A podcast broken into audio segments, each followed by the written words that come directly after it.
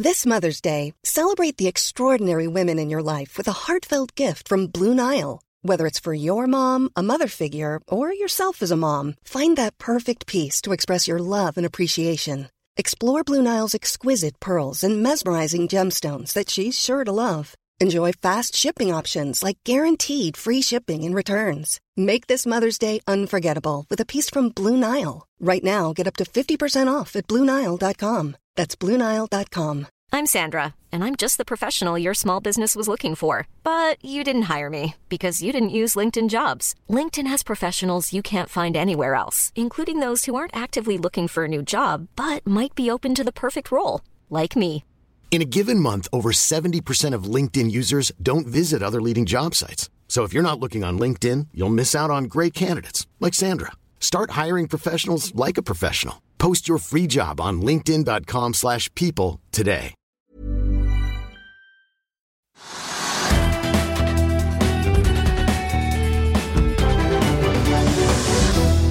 Velkommen til Økonominyhetene. Det er blitt tirsdag 6. juni. Nordshipping er i full gang, og der har reporter Marius Mørk Larsen funnet en ny norsk elektrisk selvkjørende ferge som vi skal, skal høre mer om. Men aller først litt om det som skjer i markedene, Trygve. Og I går var oljeprisen rett opp, og i dag er den rett ned igjen. Ja, og det er ganske spennende. Altså, nå ligger jo oljeprisen på 75 dollar per fat. Så Da krigen, krigen brøt ut i fjor, så var den langt over 100. ikke sant? Så den har falt ganske mye over et lengre tidsperspektiv. Og nå er det jo slik at Saudi-Arabia har sagt at de skal kutte produksjonen med 1 million fat for å få prisen opp. Per dag i juli? Ja, de skal, I juli?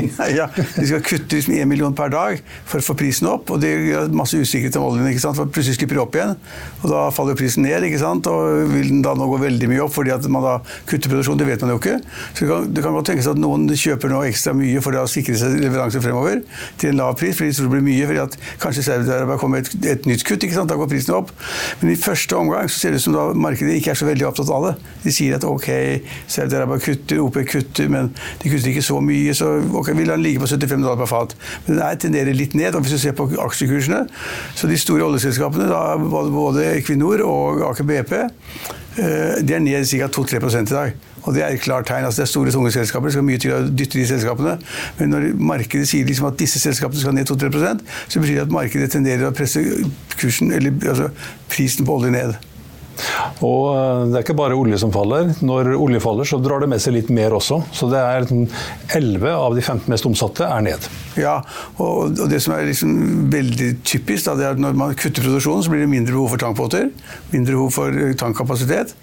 Og man skulle egentlig tro da at liksom, tankaksjer worldwide ville falle ganske mye, det var, men det har ikke vært så veldig mye. Det kan tyde på at det har vært veldig stor etterspørsel etter tankskip tidligere. Og man kanskje da ikke hadde behov for å korrigere, men, men det blir behov for mindre tanksonnasje de kommende månedene. Det vil sannsynligvis føre til at ratene går ned, og også at kursen på da, typiske tankaksjer går ned. Og så kan du si ja, men det er mange som spår et sterkt tankmarked fremover. Ja, i senere i høst, i vinter kanskje, men akkurat nå fremover så kommer ratene til å falle, og aksjekursen til å falle, sannsynligvis. Ja, for fordi, fordi, det henger jo sammen over. Altså, det er klart at Hvor mye liksom, olje de produserer, det sier hvor mye, mange tankbåter du trenger, som skal reise til India, Kina, rundt om i Europa. Så det, dette, dette henger sammen. Ja, Vi ser også at eh, både Frontline og Hafnia fortsetter ned i dag 2,5-3 Ja, jeg tror Frontline kanskje i løpet av et par dager har vært ned 10 omtrent. Ja. Så det er en kraftig reaksjon på da det at det blir mindre olje å transportere.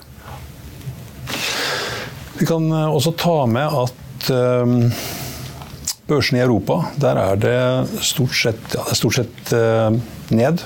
I London er det ned 0,1% i Frankfurt er det flatt. I Paris ned 0,1, i Milano ned 0,1, i Madrid ned 0,2. Og Stock 600 den er da ned 0,1% også. På børsene i New York ligger det an til å åpne ned. Ja, ikke så veldig mye ned, nesten bare helt flatt. Ned 0,1% for Dow Jones, SMP 500 og Nasdaq. Eh, gullprisen for øvrig, ikke så mange som følger med på den kanskje, men den er i hvert fall opp 0,4% 1981 og stiger da for andre dag på rad. Krypto, her er det videre liten nedgang for eh, bitcoin, som er nede på 25 586 dollar, ned 0,2% i dag. Vi må vel eh, si litt om eh, Norwegian også, Trygve. Trafikktall i dag? Ja, altså egentlig så er det ikke så veldig mye å si. Da. De kom med tall for trafikken, og det viser da 1,9 millioner fraktede passasjerer. Og det var litt mer enn han hadde ventet. Men ikke så veldig mye mer. Og så kom det også med tall for, for eh, beleggsprosenten, som var litt over 80% som var ganske bra. Men det var ikke sånn kanontall, og markedet reagerte også ganske sånn relax på det. De sa jeg tror kursen har vært ned en halv prosent. Den er iallfall ikke opp. Den er ikke opp 5 eller 10 eller 3% Nei, opp 0,1 nå. Ja, ok, men det, det, er, det er flatt. Så markedet syntes ikke at det var så mye å snakke om. Og så hadde de kanskje forventet på forhånd, så det var diskontert i markedet. Altså, Norwegian flyr ganske mange mennesker for tiden. Gilden var litt bedre enn i hvert fall det DNB Markets hadde venta. Bitte lite grann. Ja, bitte lite grann. Det var ikke mye. Null, det var vel 74 øre? Fra 0,70,076 eller sånn. Ja. ja. Og så var um, samla gild var men, de gjør det åpenbart bra, og de frakter mye passasjerer, men om det blir penger igjen, det vet vi ikke ennå. Og så har man forventet at de skulle frakte mer, for de har sagt hele tiden at regn på, regn på kalkylene på nytt, vi er jævlig gode, og vi kommer til å frakte mye mennesker, og vi kommer til å tjene penger. Har toppledelsen sagt. Ja, det var Geir Karlsen som sa det, og da måtte analytikerne håpe. Kan også ta med at uh, det, ikke, det er ikke så veldig mye moro, men det er litt moro i Aqua Group. Eh, selskapet har fått en uh, stor kontrakt på 60 millioner euro på et nytt postsmoltanlegg på Sørøya. Så det er i hvert fall noen som investerer i, i oppdrettsnæringen også. Aksjen er opp 5,5 til 65 kroner og 40 øre. Det er også litt moro i Nordic Nanovektor, som er dagens vinner. Den er opp 17 nå. Eh, selskapet har imidlertid hatt noe å melde siden 18.4, da det ble gjentatt at Paradigme var nedlagt, og at selskapet skulle undersøke alle mulige veier videre for betalutin. Selskapet har heller ikke lagt fram regnskapstall for første kvartal. Mobiltelefonselskapet Texep stiger 10% på ny kontrakt på mobilløsninger til Oslo kommune for potensielt 480 millioner kroner de neste fire årene. Og aksjen den er opp 10 eh, til 19 kroner og 40 øre. Aksjen er da opp også 14% den siste uken og 20% den siste måneden. Avilco Drilling hangler videre og har ikke hatt så mye å melde etter at selskapet fikk et aksjonærlån på 4 millioner dollar av Wilhelmsen Offshore som en bro i påvente av en mer langsiktig finansiering. Lånet til 10% rente og en tilretteleggingspris på 2% forfaller 30.6. Nordic Unmanned, eh, har du sett på den, Trygve? Nei. Eh, de la fram tall i dag, det var ikke noe særlig bra. Nei. Og den aksjen den er ned 23 ja. De hadde nedgang i omsetningen fra 2,5 millioner euro i eh, første kvartal i fjor til 2,2 i år. Driftsunderskuddet gikk fra 2,9 til 5,1 millioner euro. Og det ble da også et underskudd på 4,6 millioner euro mot minus 2,5 i samme kvartal i fjor. I mars varslet selskapet en strategisk gjennomgang og en vurdering av alternativene fremover for å bedre balansen og skape et sterkere fundament for framtiden. Dette arbeidet pågår, men administrerende direktør Anne Roland kunne ikke si noe mer om det i forbindelse med dagens kvartalsrapportering, annet at det kommer oppdateringer på det når det er noe å melde.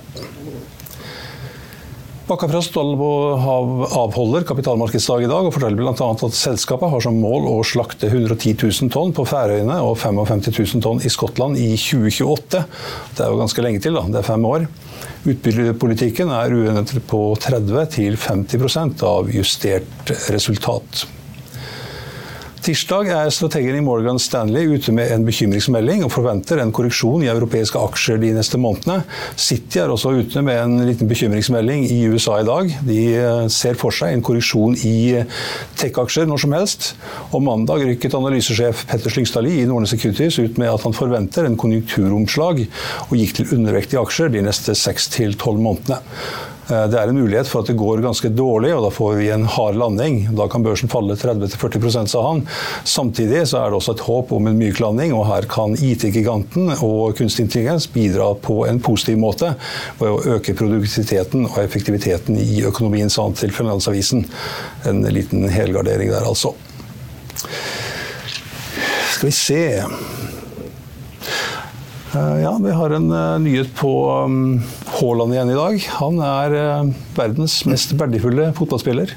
Ja, altså Det er kommet en melding da om at noen har sett på verdien av hva, hva, verdien av han kunne være. Og de sier at det kan være to eller tre milliarder kroner. Det er ganske mye penger, da. Da må man se på de fremtidige inntektene han får. Diskutere det til i dag, og se liksom da hvor mye han skaper av verdier fremover. Det kan nok gjøres et sånt, et sånt regnestykke. Jeg tipper vi skal gjøre det i kapital i forbindelse med 400-listen vår. Men det vi vet, vi tror vi vet i hvert fall, det er det at han har en inntekt i året på ca. 400 millioner kroner. Det er jo ganske mye penger, da, hvis du har det hvert år, eller litt mer. Og jeg, når jeg sier det, så er det med en viss usikkerhet, for det er liksom da spekulasjoner da, i amerikansk presse, i Forbes i første rekke, og i europeiske aviser. Men han har en kjempeinntekt. Det er klart at Hvis han har en kjempeinntekt garantert i mange år, så har han en verdi mer enn da årsinntekten. Så, så, det, så det, kan godt tenkes at han har da en, en verdi, en formuesverdi på 3 eller 4 milliarder kroner. Det er da sannsynligvis verdens dyreste fotballspiller.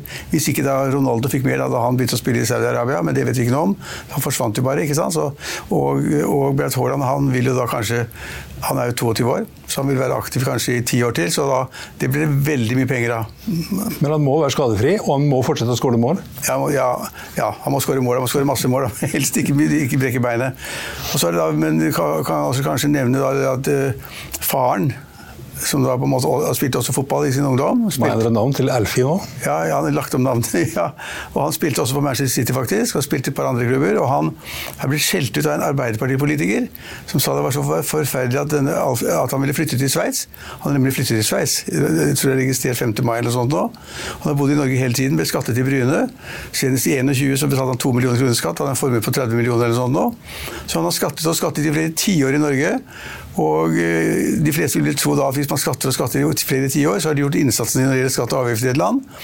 At han da flytter som 50-åring til Sveits, det mener jeg man burde kunne få lov til. Men da ble han altså utsatt for en kraftig sjikane, denne, denne Arbeiderpartipolitikeren. Og sier at, at Alfie han skylder Norge, skylder, skylder idrettsbevegelsen, og betaler mer skatt i mange år til. Og Det er selvfølgelig helt håpløst. Ja, hva skal man tro? du, du, du, tok, du, tok, vel tak i det i en leder her forleden også? Ja, jeg skrev en leder på lørdag hvor jeg skrev da det at, at at de to, far og sønn, ikke skyldte da liksom Bryne i samfunnet noe som helst. Jeg tipper, det vet jeg ikke helt, jeg tipper at Bryne, da han gikk fra Bryne til utlandet, så fikk da Bryne en del av overgangssummen også. Så at samfunnet har fått mer enn nok, og det er entusiasmen som ligger bak liksom, hans innsats. Og, altså, alt som er positivt i fotball, er liksom da knyttet til hans navn. Og da kan man ikke begynne å kritisere. Jeg synes at denne politikeren var helt tullete, som da gikk ut offentlig og sa det at han skylder samfunnet penger. Og jeg trodde kanskje at denne politikeren ville være litt ydmyk og si kanskje jeg tok litt hardt i. kanskje det ikke var så, Jeg visste ikke at, hadde bodd, at han var 50 år, så han hadde skattet her i flere tiår. Men hun har da gått ut eh, og sagt at det er bare så gøy å bli kritisert av oss fordi vi da backer Haaland. ja. Um, en annen som kanskje ikke syns det er så morsomt å bli kritisert, er en NHH-professor. Ja, det, altså, det, er en ganske viktig sak, viktig og stor sak, som jeg har kommentert i dag. Og det er det at det er to professorer ved Handelshøyskolen. og De arbeider ved det som heter da Skatteforskningsinstituttet eller sånt ved Handelshøyskolen. Og de har da gått inn på liksom, om da de som tjener mye i landet, og de som, liksom, de som tjener mest i landet, om de betaler liksom for lite eller mye skatt. For en lang historie kort så har da disse professorene gjort det samme som SSB gjorde en gang. De har sagt at ok, altså, inntekten er 100 kroner. Og så har de sagt at okay, det er 100 kroner som skal til beskatning. Men så har de lagt til penger som da selskapene har holdt tilbake etter det, i holdingselskaper. Altså penger som ikke er betalt til utbytte, penger som ikke er betalt til lønn, men er i selskapet. En del av disse tilhører egentlig Stein Ove Haugen og Trygve Egnar, egentlig for de aksjonærer. Så har de tatt, lagt sammen da ligningsinntektene og plusset på det som er i selskapene og som ikke er utbetalt. Og da får de en veldig høy inntekt som de har betalt lite skatt av. Og da sier de da det at de, de med mest penger i landet, de er veldig få, de betaler mindre skatt enn de som da er renholdsarbeidere, sykepleiere eller hjelpearbeidere. Og det er rent vrøvl. Og det rør da ikke noe med skatteforskning å gjøre i det hele tatt. Det er helt utrolig. Men det begynte i SSB. Mm. For det er et sånt forskningsprosjekt de hadde. De skulle se liksom på de pengene som da ikke var betalt ut. Hva skjer egentlig med de pengene? Og de ligger jo da i selskapene selvfølgelig når de ikke er utbetalt. Og så lagde de en sånn regnestykke på det. Ja, men sett nå om da disse aksjonærene hadde fått de pengene teoretisk sett. Da ville de fått en høyere inntekt, og da måtte de betalt mer skatt, ikke sant? Men, og så lagde de et regnestykke som om de hadde fått inntekt uten at de hadde fått dem. Og det, det, det kom da i 2021. Og så har disse forskerne i Bergen holdt på et par år og sett på de tallene og kommer til det samme. De har brukt samme utgangspunkt som SSB. Like, altså Utgangspunktet er helt vilt. ikke sant? Det, ja, det man, hvis man kan forske seg frem til det på en handelshøyskole, da er jeg litt betenkt over hva de driver med der. Ja, Det er kanskje ikke så mye annet å finne på. Men uh, det, er, det, det, det, en liten avsporing, i hvert fall, om ikke annet. Ja, altså, er, så Alle reagerer på det, liksom at man lager sånn teoretiske regnestykker. Og skal da etterpå kunne gå ut og si at dette er en god grunn til at, at liksom eh, vanlige folk betaler mer skatt enn da de rike, hvilket ikke er tilfellet. Alle mennesker i Norge, enten du tjener altså heter A eller B eller er skipsreder eller rørlegger, når du tjener en million, så skattes du ut fra en million uansett. En million, er, Alle har samme skatteprosent på de inntektene sine. Det er ingen, ingen forskjell på hvilket yrke du har eller hvor du kommer fra. Eller om du har uutbetalte penger som ligger i selskaper rundt om i landet. Det er, det er, det er bare tull, altså. Bare tull. Men du, Øystein, Vi snakker liksom om, om skatteforskning og de rike og sånn, men det kom også tall i dag for landbruksoppgjøret, som var endelig. Nå er det endelig da SV sluttet seg til regjeringen. Og De kom da ut med at 4,1 eh, milliarder til bøndene var det riktige tallet. Og bøndene krevde jeg vet ikke om du husker det, men de krevde 6,9 milliarder. Så ble det nå 4,1, og det er en inntektsvekst på 23 for hver årsverk i landbruket. Og de er drita sure. 23% Ja, og Alle de andre landene de får da 5,2 eller 5 eller sånn. Og de fikk 23 og da er de misfornøyd alle sammen. Ja, og, og, ingen av vanlige folk skjønner det kanskje? Nei, ingen skjønner tallene. De skjønner ikke hvordan det blir oppstår. Og det er jo inntektsvekst, da, men det er liksom hva er inntekt? Det er jo helt underlig at ingen reagerer på at det er 23% Nei, ingen reagerer på det. Ingen politikere? Ingen? Selv om de selv da får kanskje 5% eller 5,2% Men det er bare at kravene var jo da så mye, mye høyere. Jeg tror det var, hvis Per årsverk så var det ja, da, Jeg vet ikke hva det kom opp til, men det var iallfall veldig mye mer, da.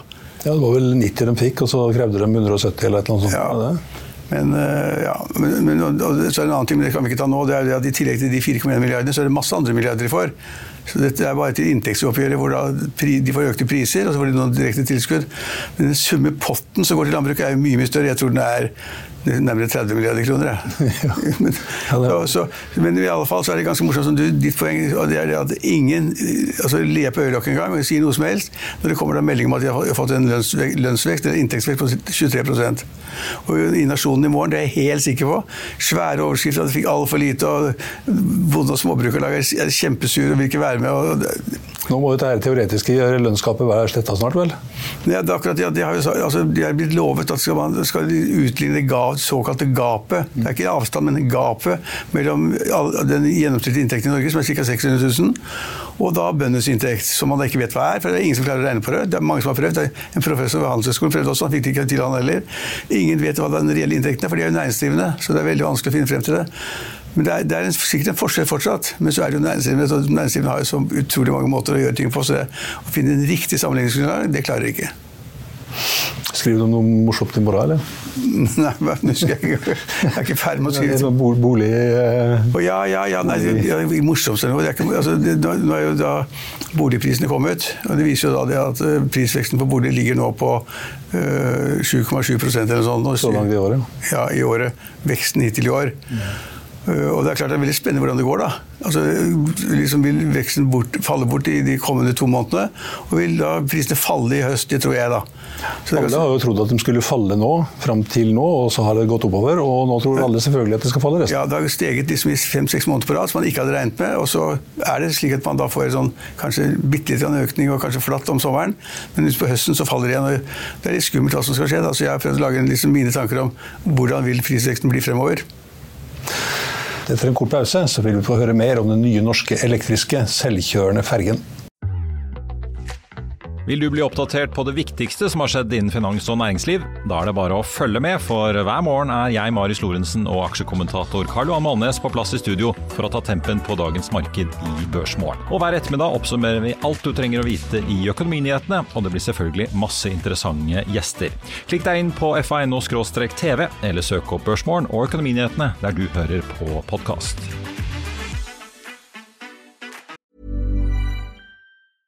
Hiring for your small business? If you're not looking for professionals on LinkedIn, you're looking in the wrong place. That's like looking for your car keys in a fish tank.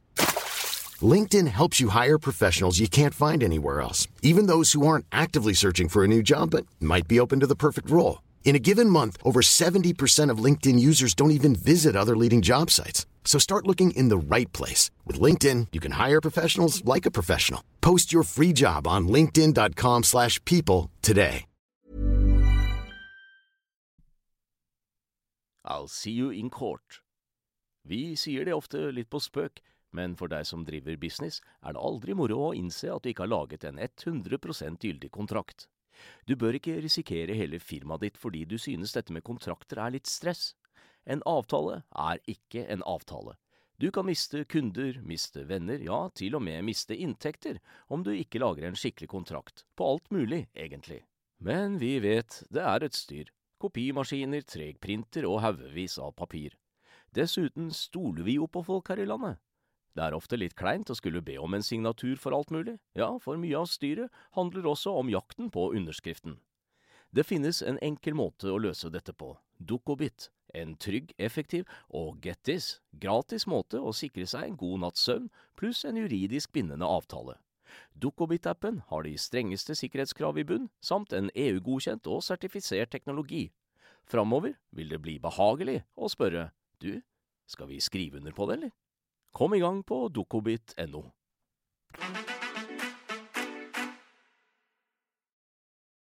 Hvis jeg sier Bård Eker og båt, så tenker de fleste på eh, lange båter med store motorer som går veldig fort. Men det er ikke helt konseptet med haik, eller hva, Bjørn Utgård? Det er egentlig ganske likt, fordi det handler om å ha glede på sjøen. Det handler om at vi, eh, folk liker, liker, seg veldig godt på vannet. Og vi ser at mange byer rundt i verden er ved vann, og de bruker ikke vannveien til transport i det hele tatt. Nesten ikke. Og du har gamle dieselferjer som lager masse støy og, og lukter fælt. Så vi tror at eh, ved å lage en veldig effektiv båt som bruker lite strøm, så kan vi få til mer vannbåren transport i byer over hele verden. Kan ikke du forklare meg litt mer hva denne båten er for noe, og hva, hva det praktiske formålet med den er? Altså, vi kjenner jo til fra elektriske biler at hvis du bare tar ut eh, bensintanken og, og, tar ut motoren og setter inn elektriske komponenter, så får du ikke noe særlig effektiv elbil. Eh, så vi ser at eh, skal du, skal du virkelig da lage en helelektrisk båt, så bør du tenke helt nytt. Denne båten her veier halvparten av tradisjonelle ferjer. F.eks. de som går i Fredrikstad i dag, veier dobbelt så mye som vår ferje her. Vi har, også vi har også tatt tak i det som er største problemet egentlig med maritim bransje, det er at de produserer ingenting i serie.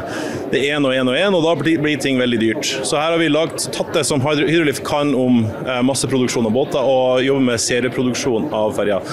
Og da har vi lagd en båt som er helelektrisk, som eh, er også autonom, autonomi klar. Vi utvikler vår egen software for å kunne styre de autonomt. Hvorfor er det med autonomi viktig? Jo, på vannet så er det sånn at eh, du må ha ganske lang utdanning for å bli kaptein. og Det er en skikkelig barriere. Vi så i Oslo i fjor sommer så var det flere ruter som ble avlyst rett og slett fordi man ikke hadde kapteiner.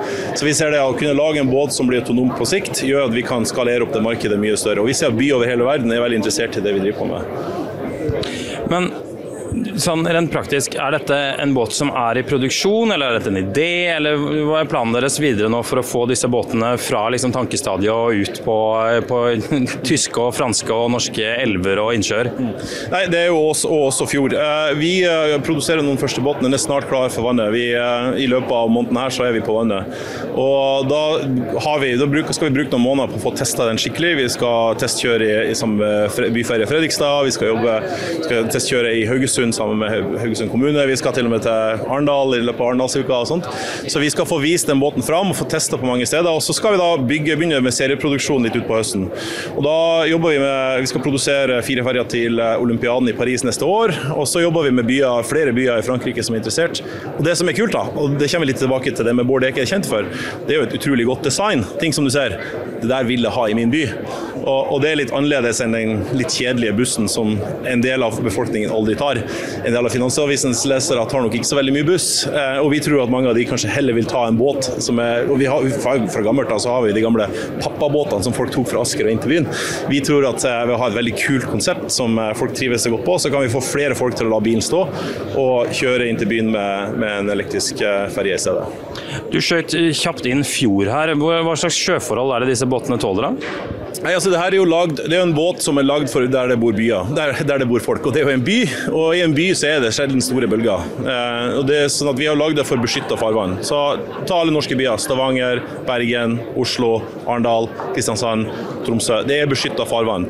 Så vet jo alle som er på, på sjøen at det kan jo bli litt røft selv i Oslofjorden, men det er altså båten sertifisert for. Vi har jo lagd båten veldig bred. Den er 5,7 meter bred og 15 meter lang, som gjør at vi får veldig god stabilitet. Og så, så denne båten er klar for alle byer. Det som vi ikke har gjort, vi har ikke gått etter det der hurtigbåtmarkedet som skal kjøre lange strekker ut på åpent hav. Det er også der det bor færre folk. Hvis du ser på Oslo, så, tar jo, det ca. 5 millioner reisende i året på, på ferje. Og de aller, aller fleste av de er ute i øyene, ute til Nesodden. Det er liksom de korte rutene som folk tar mer. Og det er det vi har optimalisert for til å begynne med. Vi går jo fra en tid med, med oppgangskonjunktur og gratis penger til at nå eh, er rentene høyere. Det snakkes om resesjoner og SG er vel litt sånn Er det noe rom for bærekraft å, å tjene penger på dette fremover? Altså, Hvis du har en idé om at du skal klare å få gratis penger til å drive på, bare du driver på med ESG Vi ser jo masse rart som blir slengt ut som at ja, det er en sånn ESG-hype. ikke sant? Vi har tatt tak i det som er aller viktigst til å begynne med. Det, det må være høy effektivitet, det må være billig å produsere, og du må kunne gjøre det i, i stort volum. Og Da ser vi at vårt mål er å være konkurransedyktig selv med landbåren transport. Eh, hvis vi bare holder fokus på å få ting til å være kostnadseffektivt, bruke minst mulig energi. Altså Det som er billig, er ofte det som ikke har så stort eh, fotavtrykk heller. Sånn For oss er ESG en, en, mer en filosofi enn en, en, en, hype som man hiver seg på. Eh, vi skal jobbe med effektivitet, og vi skal gjøre det i en skalerbar, på en skalerbar måte. Helt til slutt, Hvor er det blir det mulig å se disse fergene for første gang? Altså Nå eh, kommer vi på ganske snart, ikke så langt herfra. I Norge, Vi produserer i Norge og skal jo testkjøre. Vi kommer til, til ja, Sannsynligvis er vi på, på Tallship i Fredrikstad i midten av juli. Og så har vi planer om å komme til Arendal til Arendalsuka i midten av august. Kjøre sammen med Kolbjørn og ha samarbeid med lokale operatører. Så, så, i løpet av sommeren så kan du holde øynene på fjorden, så kan det hende at eh, du ser en, eh, en hvit svane som Bård sier eh, seiler forbi. Helt lydløst. I Finansavisen i morgen kan du lese Trygve Winners leder om boliggaloppen, om skatteadvokaten som slapp straffeskatt, om bråstopp i private equity og om pengemangel i Nordic Unmanned. Det var økonominyhetene her på Finansavisen tirsdag 6.6. Vi er tilbake igjen med Børsmorgen i morgen klokken 8.55 fra Norsk Shipping. Og i Økonominyhetene klokken 14.30 har vi med oss daglig leder Nikolai Skarsgård i Hjemmelegene. Husk også at du får de siste nyhetene minutt for minutt på finansavisen.no. Mitt navn er Stein Ove Haugen. Tusen takk for at du så på og hørte på, og håper du er med oss igjen i morgen også.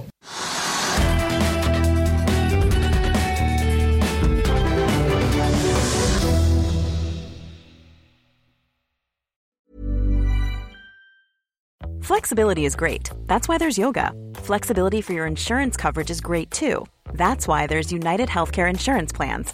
Underwritten by Golden Rule Insurance Company, United Healthcare Insurance Plans offer flexible, budget friendly coverage for medical, vision, dental, and more. One of these plans may be right for you if you're, say, between jobs, coming off your parents' plan, turning a side hustle into a full hustle, or even missed open enrollment. Want more flexibility? Find out more about United Healthcare Insurance Plans at uh1.com. Even on a budget, quality is non-negotiable. That's why Quince is the place to score high-end essentials at 50 to 80% less than similar brands. Get your hands on buttery soft cashmere sweaters from just 60 bucks, Italian leather jackets, and so much more. And the best part about Quince, they exclusively partner with factories committed to safe, ethical, and responsible manufacturing. Elevate your style without the elevated price tag with Quince. Go to quince.com slash upgrade for free shipping and 365-day returns. Hi, I'm Daniel, founder of Pretty Litter. Cats and cat owners deserve better than any old-fashioned litter. That's why I teamed up with scientists and veterinarians to create Pretty Litter. Its innovative crystal formula has superior odor control and weighs up to 80% less than clay litter. Pretty Litter even monitors health by changing colors to help detect early signs of potential illness. It's the world's smartest kitty litter. Go to prettylitter.com and use code ACAST for 20% off your first order and a free cat toy. Terms and conditions apply. See site for details. Økonominyhetene er en podkast fra Finansavisen. Programledere er Marius Lorentzen, Stein Ove Haugen og Benedikte Storm Bamvik. Produsenter er Lars Brenden Skram og Bashar Johar. Og ansvarlig redaktør er Trygve Hegnar.